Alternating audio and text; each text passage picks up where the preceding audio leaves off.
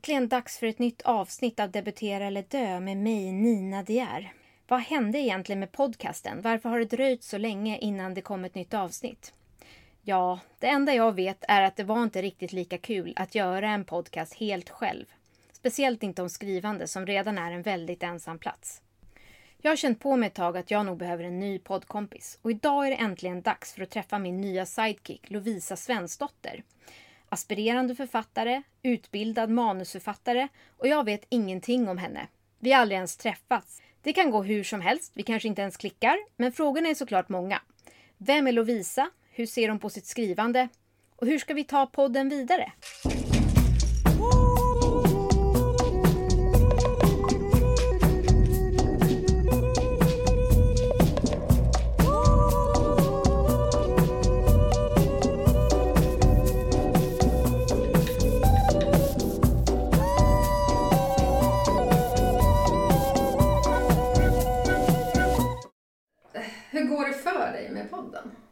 Ja, hur går det? Alltså det är det jag tänkte vi kunde prata om kanske. Jag, Ja. jag känner jag behöver dig. Det var ett tag sedan. Ja, det var ett tag sedan.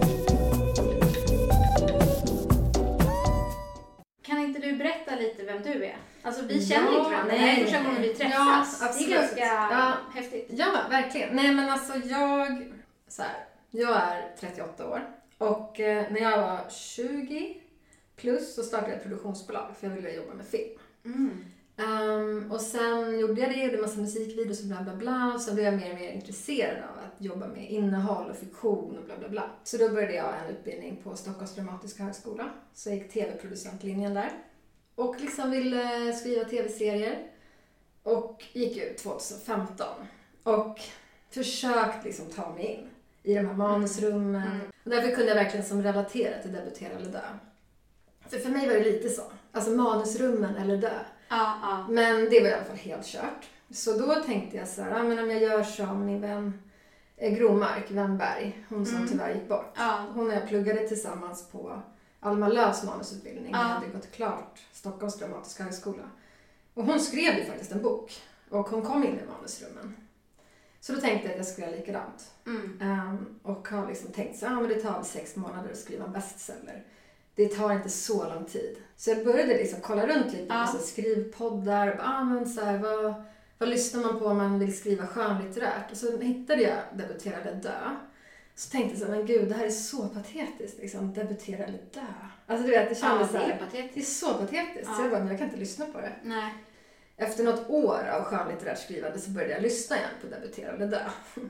Och då bara började jag liksom fatta grejen. Att det är ett jävla... Det är minst lika jobbigt som att försöka ta sig in i manusrummen i tv-serievärlden. Att skriva klart en bok och få den antagen.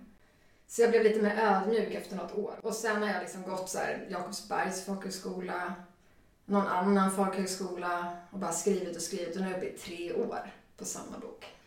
Det finns något väldigt fint i att ändå bara tänka jag ska skriva en bestseller. Ja, jo men exakt. Ja, för in. det handlade ju inte om bestsellern i Nej, sig, exakt. utan det är bara ett steg till Ja. att ta sig in i manusrummen. Det var en stepping stone. Ja, Och nu sitter vi här. ja, och tre år har gått och den är liksom absolut genomskriven, men det tar tid. Mm. En så stor respekt. Och jag menar, tänk alla de här nu, man tittar så här när man ska tvätta i tvättstugan och så finns det en sån här hylla med så här, ta vilket ex du vill, så här, man kan byta böcker med varandra och bla bla bla. Så. Ja. Eller såna här hemska såna här lådor på typ affärer, så här, fem kronor boken. Och man bara, men alltså på riktigt, det är en människa som skrivit den här boken. Mm. Alltså, jag får så panik över hur, hur jävla jobbigt det är och hur lite det betyder sen. Ja. Ja. Det är lite sårande liksom att någon kan, man kan köpa en bok för fem spänn. Ja. Men det är klart, det är inte, det behöver inte jag bry mig om just nu. För jag är inte ens i närheten av att ha en bok i en sån låda för fem kronor. Men det kommer bli så. Vi kan ju liksom redan gräma oss över det. Ja, ja, ja, ja. Gud, när man går förbi liksom sina böcker liggandes i en låda på Dollarstore liksom. Ja. Den dagen. Fy fan. Ja, jag vet. Ja. Jag, jag, jag lyssnade ganska mycket på Debutera eller dö.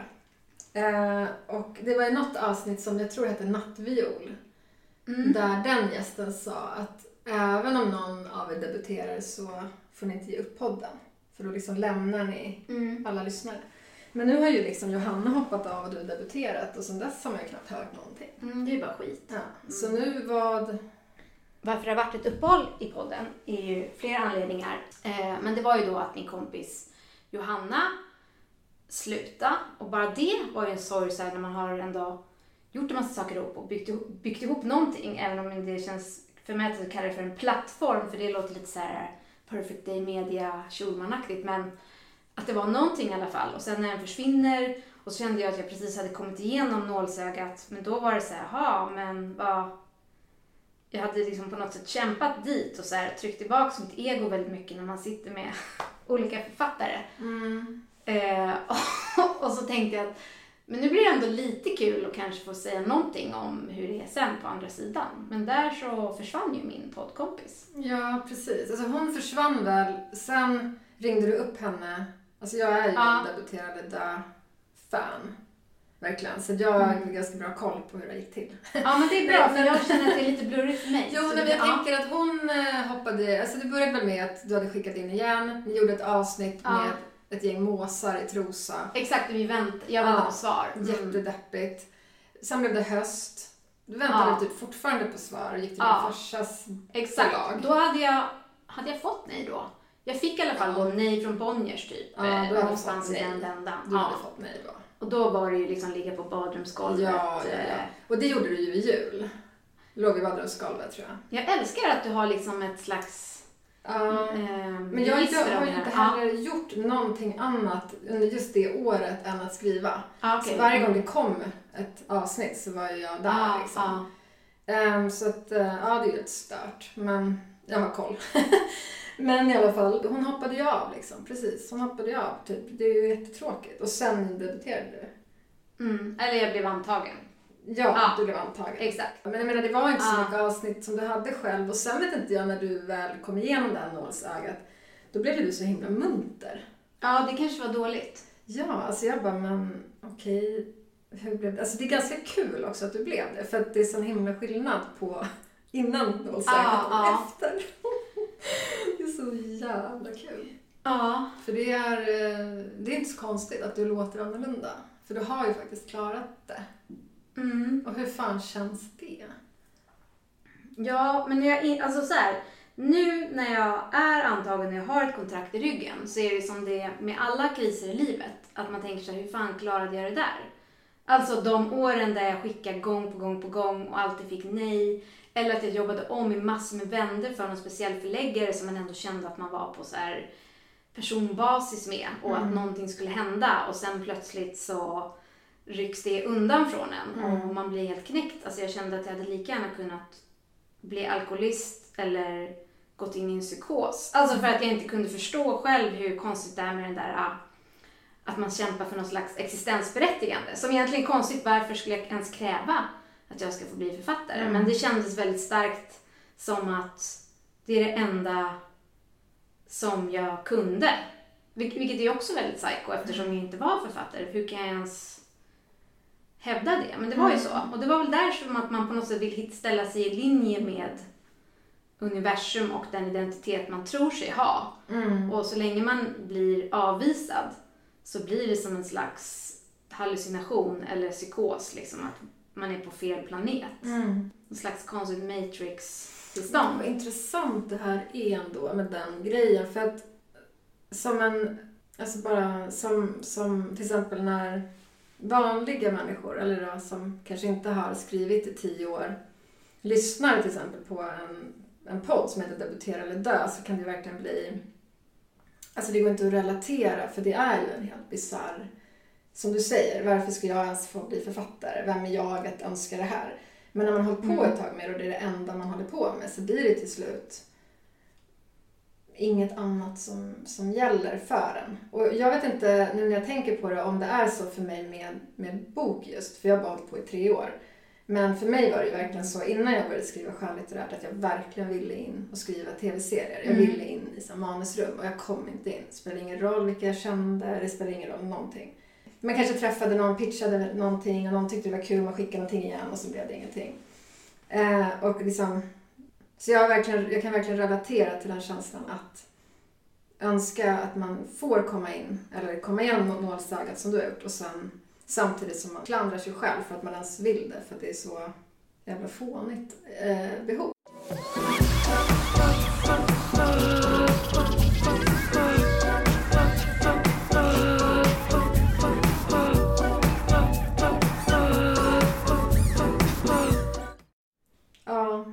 Det är jävla tråkigt att det ska vara så svårt. Ja.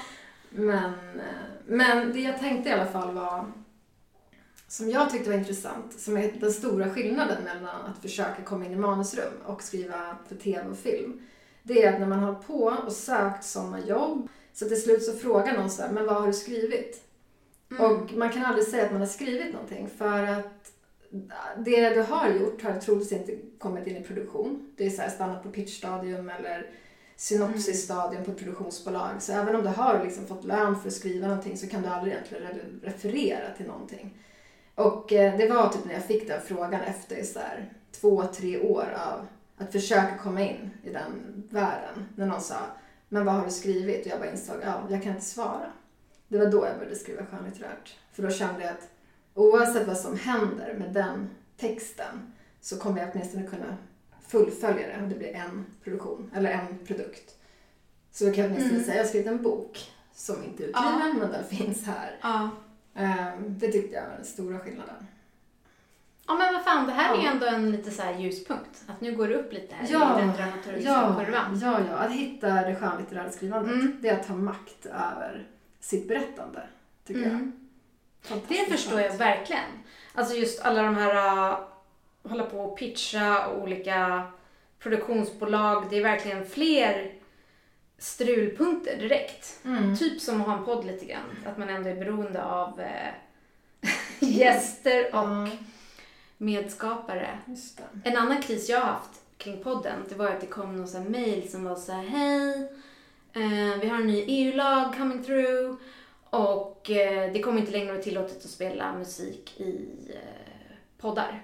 Och då har jag ändå betalat till STIM för eh, musiklicens i flera år och det har liksom varit en grej som är eh, klubbad lagmässigt i Sverige. Men nu olika poddplattformar då börjar bli nervösa. Och då när det hände då var jag också mest, jag låg jävligt lågt och kände att allt försvinna? Alltså att det är ju, det skulle bara försvinna. Alltså man skulle, jag skulle inte kunna liksom så klippa om allting och Nej. Ja, det var lite konstigt. Eh, avsnitt 18 tror jag inte finns på Spotify på grund av någon Ah, ja, okej. Warner Music Rights Mm. Waiver. Vilket känns lite ironiskt när man är en liten lort. Men okej. Ja. Ja. Men så det är lite med allt så här, det är lite så, så här, eh, osäkert. Men jag tänker att kör väl med musik så länge det går liksom. Tills skeppet sjunker. Ja, ja, ja, ja. Då tar det med sig allt.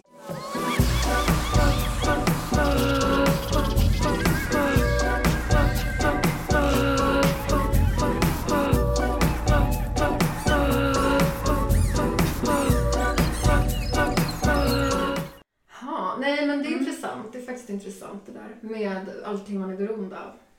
Ändå. För att få någonting gjort överhuvudtaget. Men eh, då är frågan, ett sätt för att inte vara beroende är ju att bara skriva för sig själv. Mm, mm. Och det är ju någonting du inte har gjort de senaste säkert fem åren. Du menar att inte försöka-. Förlåt, nu avbröt jag. Nej, men jag tänker du har ju Ja. verkligen velat debutera till varje pris. Det har inte varit för dig själv. Du vill få ett kvitto på att du är godkänd författare. Det har blivit så viktigt så att, att skriva för sin egen skull har inte liksom spelat någon roll. Alltså det där är ju verkligen djupa frågor som kanske är lite så obekväma på något sätt för psyket. För man kan ju verkligen undra vad spelar det egentligen för roll? Alltså jag Mm. borde ju egentligen... Alltså jag tror inte att jag kommer kanske vara lyckligare för att jag debuterar. Men jag kommer känna kanske att jag är mer i linje med mitt väsen. Även om det låter skitlöjligt. Så, Löjligt tycker jag inte att det låter. Verkligen inte. Absolut inte. Jag tror alla vi människor behöver ju liksom bekräftelse på att vi är på väg åt rätt håll. Liksom, så här. ja. Men ändå intressant bara. Men det vore kul att göra någon statistisk undersökning om det är så här det är. Alltså om man börjar skriva att efter några år in i det så blir det mer och mer Alltså att man tittar på en förlags liksom, kontakt. Det känns som att det är, man går på en så här gång, eh, automatiska gångbanor som finns på typ flygplatser och sånt där. Och även om det går långsamt så liksom man vill framåt och man Mm. börjar gå och liksom så här, jaha vad finns där framme och Precis, Är det bara efter, bort? efter ett tag börjar man bli rastlös och springer upp för den där liksom sega som ändå skulle tagit en upp. Men man börjar springa halvvägs för att man tycker det är så tråkigt att det tar sån tid. ja, För det är ju också ett jättestort problem med skrivandet, det är att det tar sån tid. Ja. Och det tycker inte jag alls är i linje med hur vi lever annars. Verkligen Alltså man skulle inte. ju vilja göra en Instagram-uppdatering. Jag börjar skriva en bok. Dagen Mm. efter. Här kan man köpa boken. Ja. Alltså det är ungefär det tempot vi lever i. Mm. Och att upptäcka skönlitterärt skrivande är ju en smäll alltså. För att det tar ju tid alltså. Mm. Det tar satans lång tid.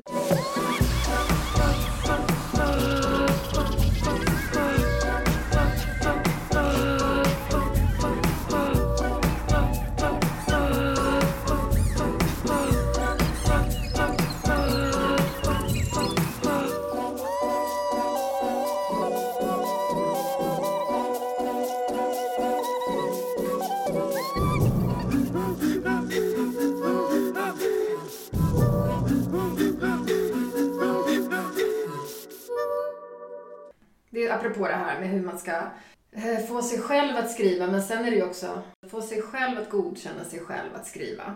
Och sen handlar det om att dessutom få sin partner att godkänna mig att skriva. Och Mm. det kan ju vara ganska problematiskt när man då, som du säger, om man till exempel inte har fått den här stämpeln, du har inte kommit igenom nålsögat, du har inte debuterat. Varför ska det här ta så stor plats i Ja, vårt liv exakt. som vi ändå delar? Mm. Att du är en skrivande person och hela tiden går runt och antecknar när vi sitter och badar och tittar på barnen som inte ska drunkna så kanske det är Mm. bra att du inte sitter och skriver hela Ja. tiden. Eller vad det nu kan vara. Mm, mm, Det är ju också en sida som är jävligt jobbig. mm. Att ehm, försöka förmedla så ah, men det är viktigt för mig. Bara, jo, men det är ju omöjligt att förstå om man inte är galen själv och måste skriva själv. Svår. Men där, det du säger nu, jag tror att det var en stor anledning till att jag också tänkte mycket på det här med att debutera och att det skulle bli en produkt. För att det var liksom mitt alibi inför min familj. Varför har jag varit så här, nej men jag kommer inte följa med idag men har en jättehärlig picknick. Ja, du vet de grejerna. Och så här, vi kan tyvärr inte baka eh, och vi har inga ingredienser än som vi... jag hade ork att baka med dig. Om det ändå blev en bok på något sätt så skulle det vara så här, ja, men det var kanske ändå värt det. Men att ändå vara ett sånt där psycho som typ bara drog sig undan och var lite svår förälder och, och typ skapar anknytningsproblem. Eh, och sen om det inte blev något så kanske man skulle bli en ännu mer fucked up förälder. Mm. Ja, för Liksom. vad blir man då i deras ögon? Då Ja. blir man ju bara en totalt misslyckad människa.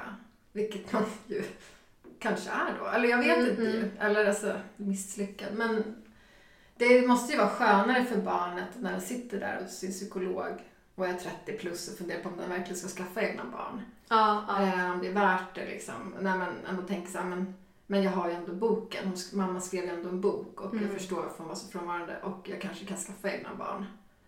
Till exempel. Mm. Att det kan hjälpa Mm. barnen längre Ja. fram. Exakt, för de liksom eh, lägger det här bakom sig och får ett avslut. Ja. Det är därför vi gör det här. Ja. Det är därför vi- vi måste genom nålsögat. Det är för att barnen ska kunna säga att min mamma var författare och inte Mm, sjuk i mm. huvudet. Och det där är ju också någonting som man får leva med att de säger. Alltså de pratar ju så jävla mycket barn.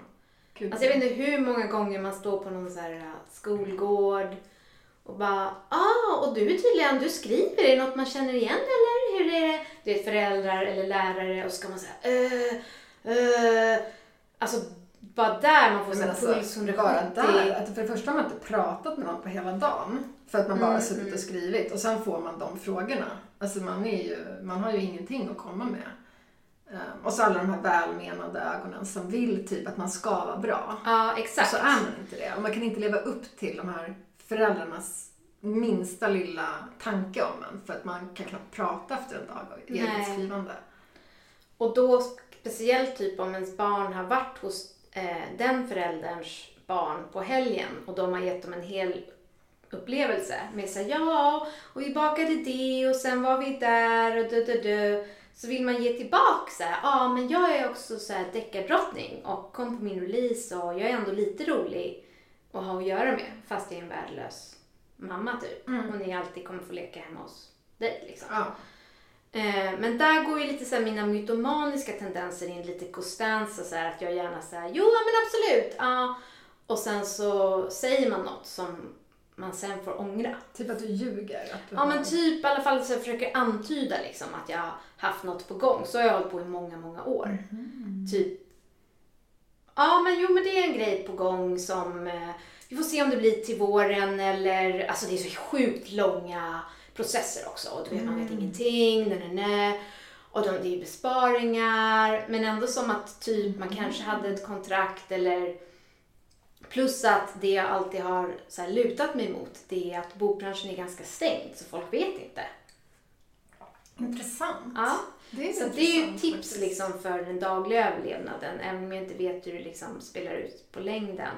Nej. Eller vad man ska Men nu säga. tror jag att du har ju klarat det eftersom du ändå har kommit genom nålsögat och troligtvis kommer ha en bok så småningom. Så Exakt. allting du har sagt blir sant retroaktivt Ja, nu. precis. Och pandemin har varit skitbra kring Mm. det. Det är så här, oh nej men vet du ju, förlag kollapsar. Man kan, Mm. man kan ju dra mycket stories liksom, Ja, varför det inte har gått. ja. Men alltså då har jag två tips och det är till exempel att mina barn, mina barn, alltså jag har tre barn och två av dem är 10 och 15 och de Ah. har liksom gått i skolan längre bort och åkt tunnelbana själv till skolan. Så vilket har gjort att jag faktiskt inte har träffat andra föräldrar. Vilket egentligen har varit jävligt skönt. Nu när du säger det, för ja. jag har liksom den här grejen har jag liksom inte haft så mycket i mitt liv. Vilket är skönt, nu inser jag det. Att jag har ju varit Mm, mm. befriad från det ganska mycket. Och ibland så när, när någon, något stackars barn leker hos oss så kommer väl någon förälder och hämtar och då, då blir det väl lite sånt. Men det är ändå sällan för de leker så ofta på den tunnelbanestation där de går i skolan där alla deras kompisar ändå bor. Mm, mm. Så där, det är ju ett tips. Sätt barnen i skolan på en annan plats i stan. Då slipper man den här dagliga kontakten med föräldrar. Sen ett annat tips är ju att till exempel jobba i mediebranschen, som jag då. Eh, vilket gör att arbetslös och frilans är ju i princip samma sak. Ja, men det Så är ju det har jag använt Mm. mycket i så här, sådana sammanhang. Att så här, frilansar för en absolut arbetslös. Till exempel ett bra tips. Ja. Bara för just självkänslan. ja, exakt. Jo, men frilans, det är ju det är ju ett mantra liksom. Mm. Det är jävligt bra alltså.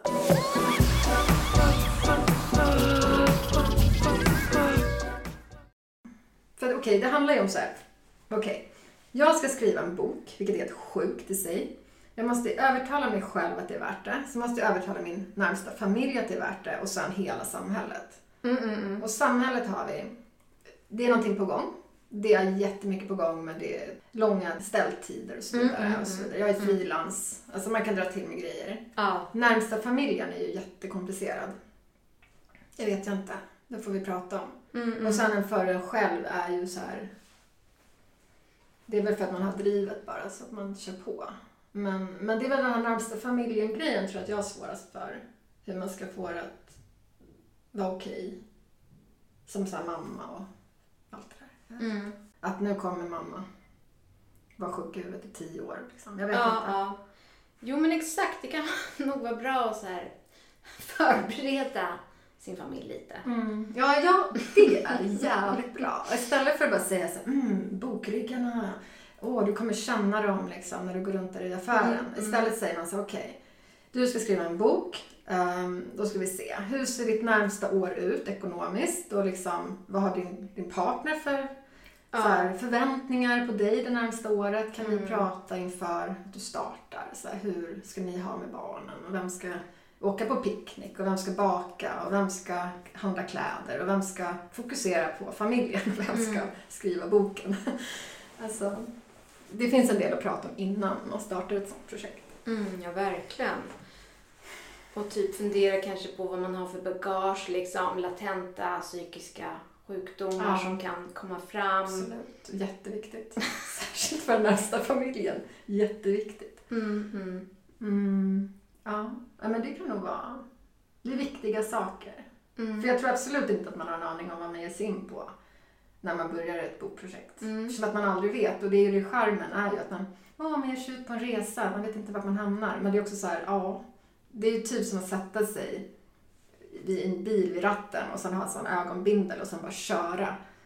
Det krävs viss planering för att kunna göra det. Typ att man har så vaddat runt Ja. bil, Exakt. bilväggarna. Eller de här. Mm. Fan, det var en riktigt fin liknelse. Ja. Den kändes eh, helrätt. Jag känner, jag känner jag fick lite så här äh, ragg liksom. Ja, på Håret på armarna. Ragg. Ja. Ja. ja, Okej. är Men nu har du kört då med, eh, vad säger man, bindel i tre år. Mm. Hur går det då? Jo, men alltså det har gått i perioder olika. Men just nu så skulle jag säga att det går väldigt bra. För att jag har Mm. liksom, i och med att jag nu har ett jobb så blir det liksom så här, jag är lite godkänd som människa. Mm, det är Eh, jävligt viktigt. Ja, och jag får också jobba med tv och film. eh, Så det är jättekul. Men sen är det också att jag, jag har ju liksom jag går ju upp, alltså jag går ju upp så här halv sex, sex varje morgon och jag sätter mig på ett café och köttar liksom. Mm, Och det gör mig ganska stolt. verkligen. Så jag just nu är jag rätt stolt. Faktiskt. Mm, mm, vad skönt. Ja. Kan du bara dra någonting mer om vad, liksom, vad gör du nu då när du går upp halv sex, sex? Vad är det du jobbar med? För du har skrivit ett så kallat råmanus. Mm. Precis, och jag Mm. skickade det till en lektör i våras. Och sen då så hoppade jag in som skripta lite grann, tog en paus från skrivandet och eh, lät det där då som man ska göra, alltså det ska sjunka in och man ska vila och inte tänka på det. Och sen nu i somras så började jag kolla på vad min lektör hade sagt. Och det här är en lektör jag har betalat, det är som det är inget Mm. förlag eller någonting att göra. Eh, och sen då har jag börjat redigera. Eh, så det jag har gjort nu i sommar är att det är väl ungefär 400 sidor. Så jag har delat in allting i scennummer och eh, nu sitter jag med en så här em, frågelista till mig själv där jag liksom verkligen går in så här, scen ett, okej vilka är med? Vad har de på sig? Vad är det för dag? Bla bla bla. Vad händer i scenen? Vad vill jag säga i scenen? Och framgår det? Då är det ja eller nej till exempel. Eller Ah. att jag får nya idéer. Så okej, det här borde in här. Och sen går jag igenom hela texten. Och sen har jag väl allting då, tänker jag, på någon slags lista och kan se, Mm. okej, det här är fel dag, det här borde vara då. Eller typ, hmm, det där borde planterats där. Så kan jag hålla på så. Och det är ju rätt trist. Alltså det är inte så här, hmm, mysigt skrivande. Alltså allt sånt där organisatoriskt, där får jag ju nästan panik. Excel och så. Och jag, jag har ju fått idén från Therese Granvall, det tror jag hon heter. Ja, exakt. Ja. Mm. Ehm, så jag har liksom modifierat hennes checklista liksom och försöker hitta mitt sätt att se texten utifrån på ett sådär jätte, ja, men som du säger, exceligt sätt. Och det är jättesvårt. Och, eh, men det är spännande och jag tänker att jag ska inte försöka tänka så mycket på att jag gör det, utan jag ska bara göra det. Så sen kan jag utvärdera om det funkar. Och jag har gjort det en gång förut på manuset. Så jag vet ju att jag kan göra det, men ehm, det är jävligt trist liksom. En tråkig del av skrivandet. Att gå igenom 400 sidor på det viset. Mm. Eh, Så det är det Alltså, jag gör på morgnarna. Alltså jag tror jag skulle aldrig kunna göra det du gör. Jag, Mm. jag tror verkligen inte det. Nej. Men det är ju jättefantastiskt. Ja, nej, men jag tycker att det går ganska bra. Men, och jag har liksom bara accepterat att det tar tid. Och det är ju, bara, det är ju en stor insikt, att det tar tid. Så att liksom, det här med att tänka att man sätter på sig den här binden och startar bilen. Där i början var det ju så här, äh, inga problem. Så man visste att sträckan var rak. De senaste två och ett halvt åren har ju varit väldigt kurviga och liksom så här, wow, man kommer aldrig komma fram och varför tar det sån tid? Och manus är ju så här, ja, en person går in, eh, det här det här händer. Och så ska en scenograf och regissör lösa hur det ser ut, eller till exempel. Alltså om man ska Mhm. hårdra det. Och sen då när jag började skriva skönlitterärt var det jättemånga som sa, men kan man inte få landa lite i hur det ser ut, vad luktar det? Alltså allt det där som Mhm. jag aldrig har hållit på med. Och, så jag menar, det har ju varit som en... Min hjärna har ju verkligen så här, utvecklats så här jättemycket de åren för att jag har förstått att skriva bilder och liksom på ett helt annat sätt utveckla. Så det har ju varit så här svängig väg. Mm, och jag ser absolut inte slutet. Och jag förstår ju att det är livsfarligt. Man borde ha ett säkerhetsbälte i alla fall och typ så här informera runt omkring sig att så här, den här vägen är lång och den kan vara hur Ja, fan ja. som helst. Men när du säger slutet, är, menar du slutet på romanen? Eller bara ditt, din väg framåt Nej, som det är författare? romanen. Ja, alltså okej. för att jag är fortfarande så kortsiktig att det är liksom det är den här jävla boken det handlar om. Inte mig Mm. som är skrivande person Mm. utan det handlar fortfarande om den här produkten som på något sätt ska bli klar så att jag kan säga till barnen att det blev en bok och de kan sitta hos sin psykolog när de är 30 plus och ändå tänker jag det är värt att skaffa barn. Alltså sådär att det inte Ja, ja. bara är misär liksom. Så det är en bok som är det jag pratar om. Men sen finns det ju ett skrivande liv. Och det är ju jävligt fint att tänka. Att det är ju mycket längre förhoppningsvis. Och det pågår hela tiden som på ett fint sätt. Även när man inte får skrivtid ju, så finns det ju. Mm. Ja, det är ju ett sätt att vara liksom. Eller ta sig an världen liksom varje dag. Så det är ju det är väldigt fint att vara en skrivande person. På det viset. Eller man, jag trivs väldigt bra med att vara det även om jag inte lyckas.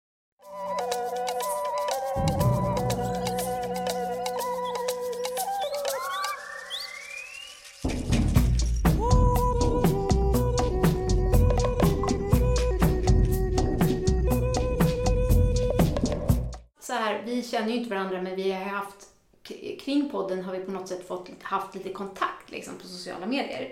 Och då när jag har för mig att vi skrev de första gångerna till varandra att du sa att du hade haft ångest för att det du hade påbörjat inte var en episk roman utan att det var Gud. någonting annat som var mer Mm. En, just det. en humor... eh, Ja.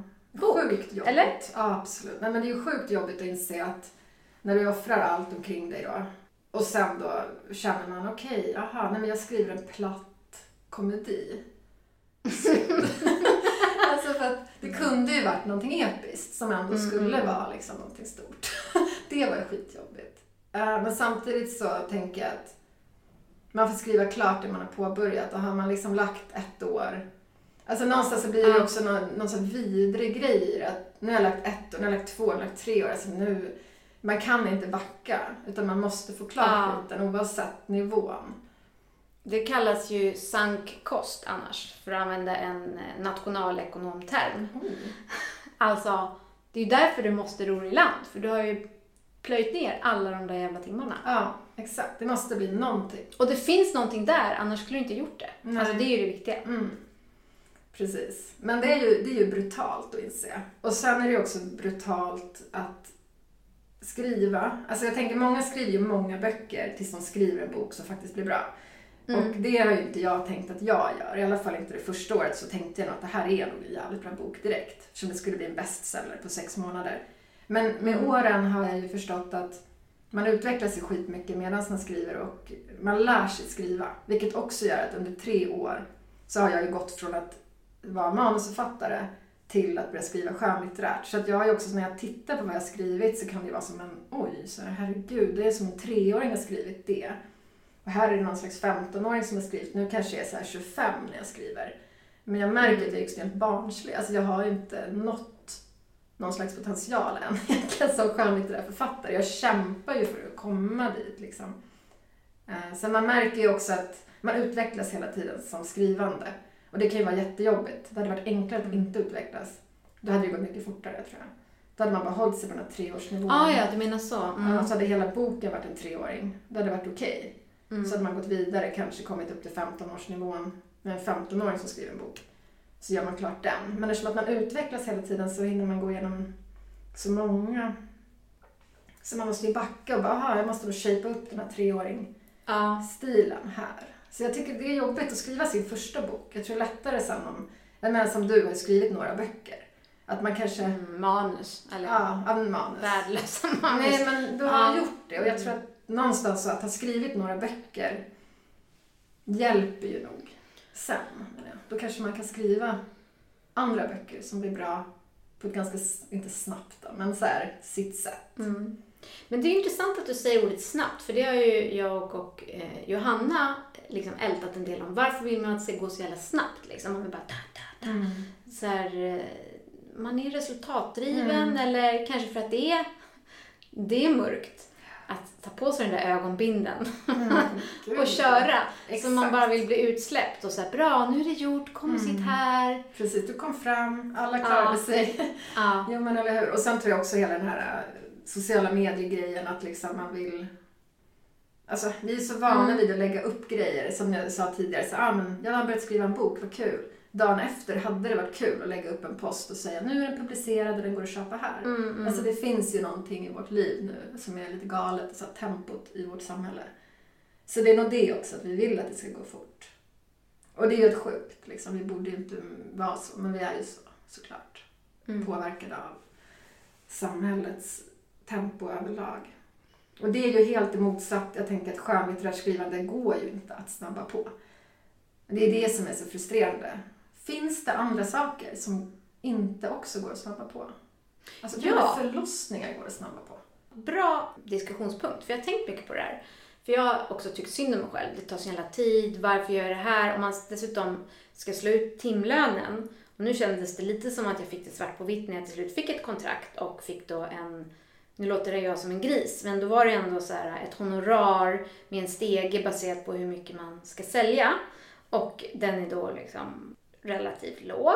Om jag har hållit på i tio år, alltså min timlön, Mm. det går inte ens att prata om. Nej, det blir ju inga liksom... Det blir, det blir ju inga resor eller någonting extra för barnen när man väl är klar med boken. Alltså, det Nej. är inte så här, det ska man ju inte lura i barnen. Det är också viktigt att så här, lura inte i barnen att när du är klar, att du på något sätt ska kunna göra någonting extra. Mm, För du kommer vara ruinerad och du kanske får en summa som är tusen spänn per år som du har lagt. Liksom. Alltså så här, det är en bra grej. Viktigt. Ja. Men samtidigt så känner jag då som inte är där du är. Alltså jag menar, att få betalt för boken, det är ju så här, som, som du säger, gris. Alltså man kan ju inte förvänta sig att man ska få Nej. ett, någonting. För Nej. jag menar, vem fan, det är ju säkert alltså det kommer, alltså det, det ska ju vara folk som läser den och betalar för det. Så det känns ju som så här i sig helt sjukt att man ens skulle förvänta sig pengar. Det är som att göra så här pärlhalsband och tro att någon skulle vilja köpa dem egentligen. Mm. Alltså så här, det kan hända att någon vill köpa något, men det är Ja. så här, man har ju gjort det för sin egen skull. Och egentligen, om man nu lyckas debutera, har ju det också varit för sin egen skull. Mm. Egentligen är det skitsamma om någon läser det. Eller är det viktigt för dig? Ja, alltså jag tror att jag fortfarande kanske är i någon slags aningslöst företillstånd. Att jag inte Mm. vet hur det här kommer bli. Det är också intressant hur man på något sätt delar upp det hela tiden. Alltså, jag ska debutera, skit i verket. Det känns som när jag har fått svar från olika förläggare och bla bla bla. Till slut hade jag kunnat bara göra vad fan de än sa. För att man till slut Mm. bara så vill ja, igenom det där hindret. För det är ju någon liksom blockad på den där vägen med och du sitter där med ögonbinden. Och bara, men vad vill jag ska göra? Ja. Jag gör det. Alltså Gud, vad, vad det än vill jag ska göra så gör jag det. Vilket är ju jävligt konstigt. Det finns ju ingen annan liksom, verksamhet kanske där man skulle släppa all annan moral eller så här.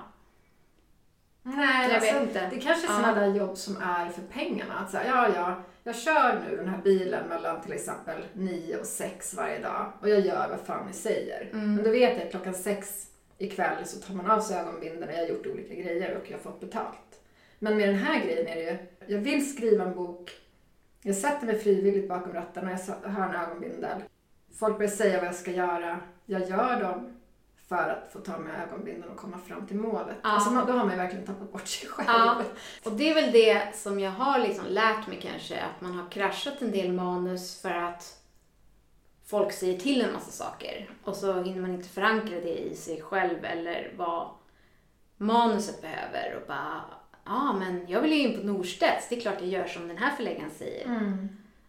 Det är ju väldigt konstigt men... ehm, Och jag menar, det blir ju också lätt. konstigt eftersom att det inte heller finns några stålar. Alltså för det är en sak att man gör det på jobbet, ett sånt där vanligt Mm, jobb, när man mm. faktiskt får lön. Det är så okej, men det här sätter mat på bordet. Men att man gör det för att få 65 000 eventuellt, om man väl lyckas, och sen lite pengar om de säljer. Alltså det är så helt sjuk ekvation, att man gör vad som helst för ingenting.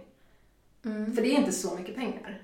Eh, Så någonstans så är det ju då att komma i mål och debutera som är det viktiga för en. När man sitter där då, kanske. Mm. När man börjar skriva in saker som man inte hade tänkt. Och då är ju frågan, vad har hänt då? Alltså då är det ju inte berättelsen, det är inte pengarna, för de finns inte. Så det är att någon ska tycka att det man gör är bra. Och det är ju jättesorgligt. Men det är jätteviktigt. Det är helt grundläggande för människan att vi Ja. ska vi bli bekräftade. Men man kan ju också Mm. prata om ljusglimtar. Mm, mm. Och jag känner ju ändå att det som jag, jag fick, eller får ge ut, är jag. Men jag kanske hade, det hade varit lätt att jag tappade bollen där, för jag gjorde om den tre gånger för ett förlag. Som i slutändan sa nej. Och det känns lite som att jag har fortfarande lite såhär daddy issues, eller vad man säger, kring Bonniers liksom på det sättet. Att de tog mig och lekte med mig och sen släppte de mig liksom. Och sen kom jag till det här andra förlaget som eh, känns så himla rätt för att de, de känns väldigt så här, vettiga och bra och vill ge ut liksom högkvalitativa saker. Men eh, det är lite som kanske i så här, lite konstig relation, att man undrar lite så här hur, så att man fortfarande inte riktigt vet hur allting hände och hur det blev som det blev. Men inte. är liksom den, Mm. det som ska, som antogs där på det förlaget som du är på nu, eh, Mm. var det samma som de på Bonniers ratade eller är det liksom är det versionerna innan du jobbade om det för Bonniers som ska ges ut? på- Ja, nej, det är ju alltså det jag jobbade om för Mm. Bonniers. Så summa summarum, jag fick skitmycket hjälp av Bonniers. Mm. Det fick jag ju absolut och de har jättebra förläggare och allting. Eh, men jag har ju också lärt mig liksom att det handlar väl mycket om vad som också kommer ges ut där ungefär samtidigt. Min bok utspelar sig i bokbranschen och det är en mamma som försvinner. Och det visade sig när jag väl blev antagen och min förläggare, nu säger jag de bevingade vidriga orden, min förläggare. När vi hade vårt första samtal, hon bara, ja men det var väl inte så konstigt att de till slut inte kunde ge ut den på Albert Bonniers eftersom Samlade verk kom ut. Den gula boken Mm. eh, som handlar om eh, delvis ett förlag och där en mamma som försvinner. Då har jag suttit i tre år och skrivit om mitt manus efter deras eh, tankar som absolut har varit konstruktiva och de har velat storyn liksom det bästa, det tror jag verkligen. Men det är fan klart att man inte kan ge ut två böcker. Alltså den skulle sett ut som en copycat om de gav ut den där. Medan jag hade ingen aning om ja, någonting i samlade verkberättelsen. Det vet jag ju nu. Ja, Och eftersom min kommer efter så kommer det ju vara som i all debatt och säga, jaha vad fan är det nytt med det här? Men det är ju Mm. inte, det är inte, en, det är inte en episk roman som jag har skrivit. du har inte skrivit en episk? Nej. Nej. Eh, och den är inte heller folkbildande. Så att jag tänker att den är bara lite sämre liksom. Nej, men jag älskar den. Det, det blir bra liksom. Men det är intressant hur, när man väl kanske tror att man är inne så måste man ju också förhålla sig till en massa andra saker som man inte har någon kontroll över. Mm. Ja, så att jag menar, det jag tänkte om skönlitterärt skrivande, att Mm. så man har kontroll över allting. Till skillnad från till exempel att komma från film och TV, där man verkligen direkt så förstår, okej, det, ska, det ska godkännas så många gånger på vägen. Medan skönlitterärt är så här, okej, jag kan hålla på i tio år med samma verk, med mig själv bara. Och sen kommer ju det där förr eller senare, för när man kommer in på förlag, eller försöker ta sig in på förlag, så har man ju alla de här ja, sakerna som man måste förhålla sig till. Som till exempel att andra har skrivit exakt likadana böcker. Mm. Eller förläggare som försöker utforska om den här eller den här boken. Se vilka författare som kommer närmast det jag vill på exakt samma ämne. En av dem kommer jag ta och den andra kommer jag släppa. Mm. För det är väl lite det man kanske gör som förläggare. Jag vet inte, men man försöker hitta en diamant och man ser några stycken och så slipar man dem och så väljer man den bästa. Mm, Ja, det måste man väl om man måste tänka på sin lista liksom. Ja, så då är man ju där liksom. Så att, ja, och det är ju inte konstigt att man måste förhålla sig till folk som har makt och pengar förr eller senare.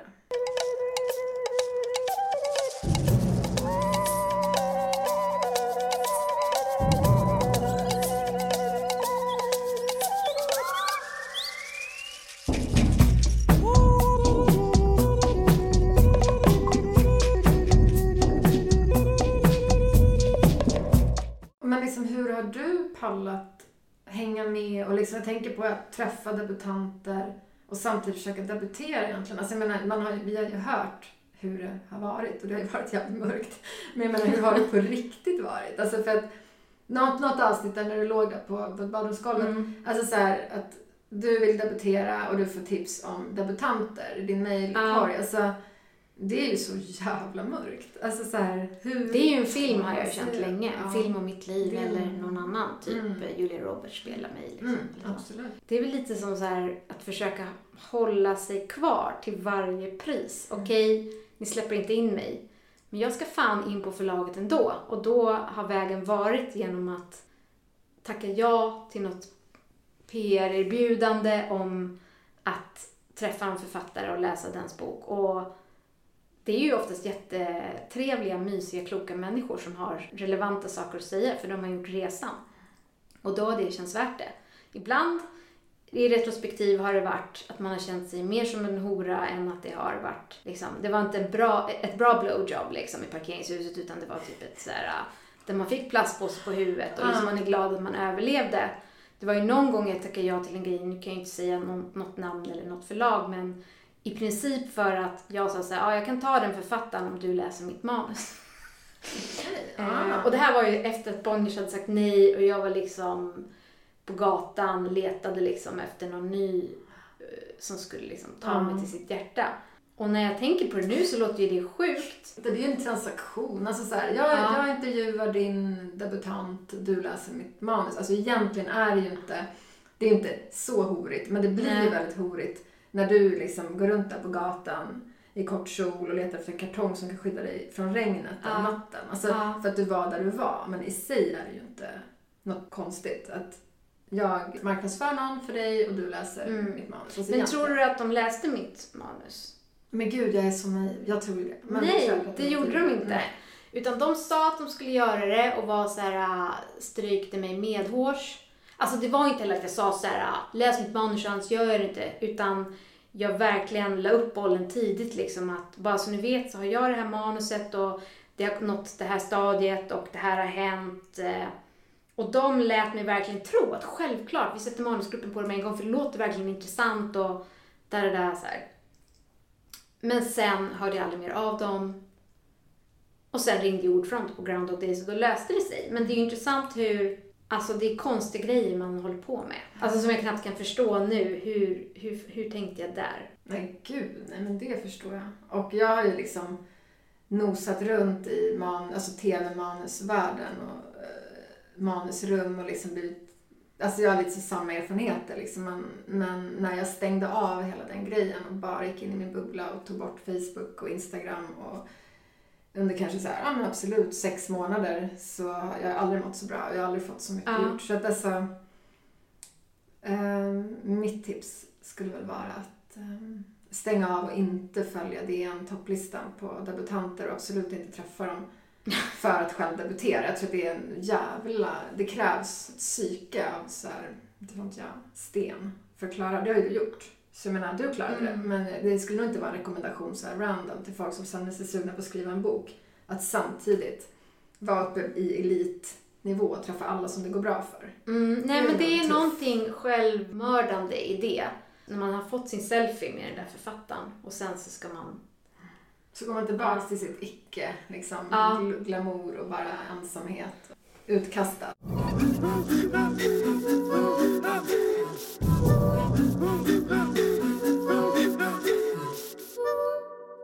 Okej Lovisa, men nu har vi ju suttit här och snackat ett tag. Vad, vad ska vi göra nu då? Men alltså det som är intressant är ju att, att bli klar med våra bokmanus oavsett om det är det första bokmanuset som i mitt fall, eller i ditt fall så kanske du är inne på din, inte vet jag, sjunde, åttonde bokmanus. Men det viktiga är ju att vi blir klara och eh, ror projekten i land. Och jag tror att stänga ute omvärlden lite grann och fokusera på varandras skrivprocesser skulle kunna hjälpa oss och säkert andra också framåt. Och eh, verkligen prata om konkreta problem som vi har i vårt skrivande. Och är det så att vi till exempel träffar någon någon gång som vi intervjuar så, så tycker jag att vi ska fokusera på skrivproblem och inte deras framgång. Utan verkligen lära oss um, det skulle vara roligt. Och det, det, det kanske skulle kunna hjälpa andra också. Kanske. ja. Vi har ju lite pågående problem som då, det kanske kan vara skönt att man är på olika stadier. Jag har en bok som ska komma ut, men till exempel så sa då förläggaren nej till min andra bok som jag skickade in. Så jag måste lösa det. Eller om jag bara var ett one hit wonder, det är lite så min fråga. Så det låter ändå som vi närmar oss ett slags resonemang om att stänga till dörren lite. Lite mer bubbla, lite mindre coola författargäster. Men det låter bra. Vi har ju provat mitt sätt, eller jag har gjort det offentligt. Ja, alltså jag tänker så här, precis. Du har ju kört Var ute och det har ju gått skitbra för dig. Eh, men nu är det ju jag som ska debutera. Eh, och jag tror på bubbla. Mm. Ehm, så vi testar det. Ja. Ja, men kul. Vi testar bubblan. Yes.